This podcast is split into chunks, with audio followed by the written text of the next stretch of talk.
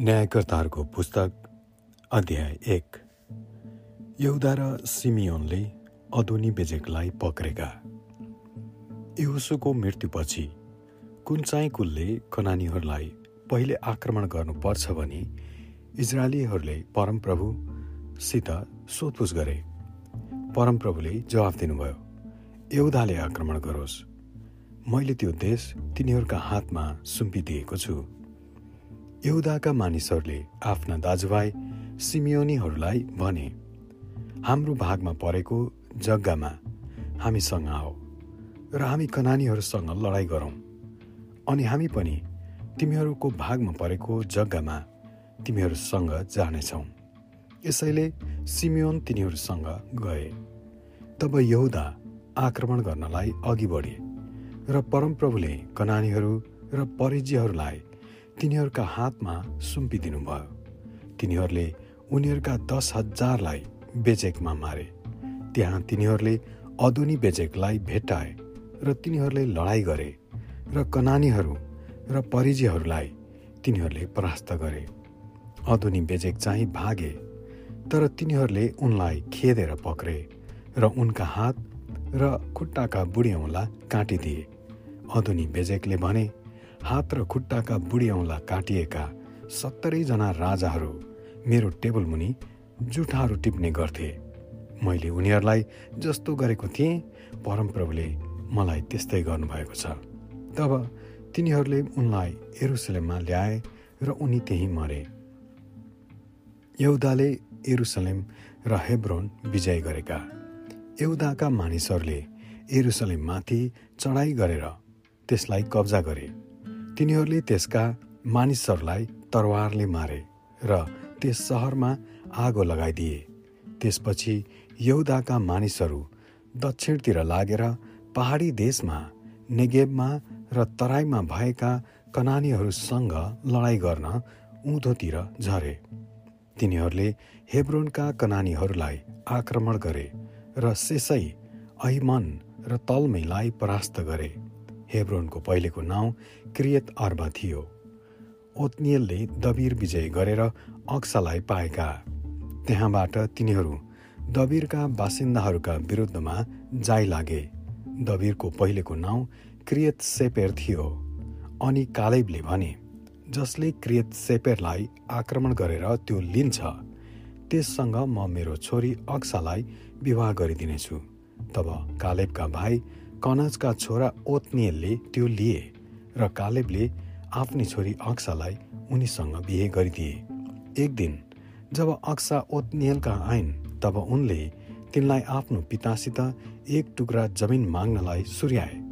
जब तिनी आफ्नो गदाबाट ओर्लिन् तब कालेबले तिनलाई सोधे तँलाई के चाहियो? तिनले भनिन् मलाई एउटा दाइजो दिनुहोस्। तपाईँले मलाई नेगबमा जग्गा दिनुभएको कारणले अब मलाई पानीका मूलहरू पनि दिनुहोस्। यसैले कालेबले तिनलाई माथिल्लो र तल्लो दुवै पानीका मूलहरू दिए। यहुदा र बेन्यामिनका अरू विजयहरू मोसाका ससुराका सन्तान केनीहरू यहुदाका मानिसहरूसँग खजुरका रुखहरूको सहरबाट आराद नजिकको नेगेममा भएको यहुदाको उजाड भूमिमा गए र त्यहाँका मानिसहरूसँग बसोबास गर्न लागे।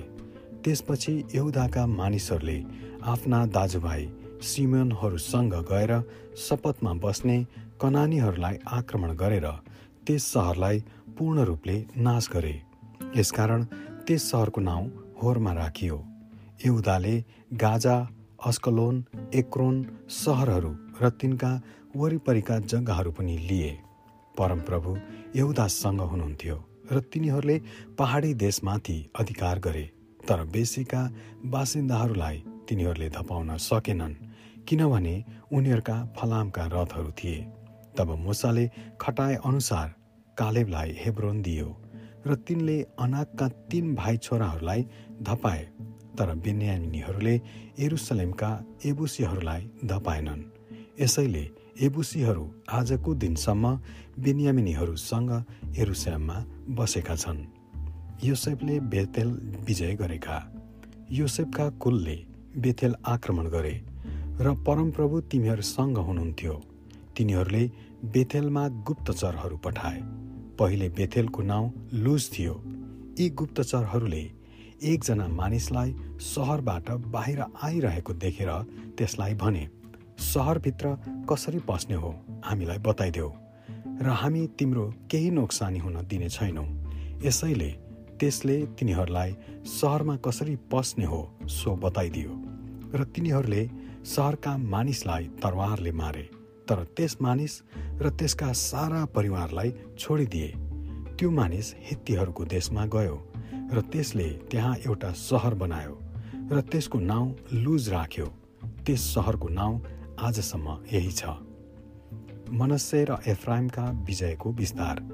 तर मनस्यले बेत्सान तानाक डोर इब्लाम र मगिद्दो र तिनका बस्तीहरूका बासिन्दाहरूलाई धपाएनन् किनकि कनानीहरू ती ठाउँहरूमा बसिरहन मन गरे। पछि जब इजरायलीहरू शक्तिशाली भए तब तिनीहरूले उनीहरूलाई बेगार काममा लगाए तर तिनीहरूले कहिल्यै जम्मैलाई धपाएनन्। न त एफ्राइमले गेजेरमा बस्ने कनानीहरूलाई धपाए तर कनानीहरू गेजेरमा तिनीहरूसँग बसिरहे। अरू कुलहरूका विजयको विस्तार। जुबुलनले कित्रोन र नहलोलका कनानीहरूलाई धपाएनन् तर तिनीहरू उनीहरूसँग बसे। तिनीहरूले उनीहरूलाई बेगार काम गर्ने तुल्याए। आशेरले अक्को सिदोन अहलाब अक्जिब हेलवा अपेक र रहोबका बासिन्दाहरूलाई धपाएनन्। यसरी आशेरीहरू कनानी बासिन्दाहरूसँगै बसे। किनभने तिनीहरूले उनीहरूलाई धपाएनन् नप्तालीले बेत सेमेस र बेत अनाथका बासिन्दाहरूलाई धपाएनन् तर त्यहाँका कनानीहरूसँग बसे र बेत सेमेस र बेत अनाथका बासिन्दाहरू तिनीहरूका लागि बेगार काम गर्ने भए। एमोरीहरूले दानका सन्तानहरूलाई पहाडी देशमा धपाए र तिनीहरूलाई बेसीमा आउन दिएनन्। एमोरीहरूले हेरेस डाँडा अयालोन र सालबिममा डटेर बस्ने दृढता गरे। तर जब योसेफको कुल उनीहरूमाथि प्रबल भयो उनीहरू पनि बेगार काममा लगाइए। एमोरीहरूको सिमाना अक्रबिमको उकालोदेखि सेलासम्म पर्थ्यो। आमेन।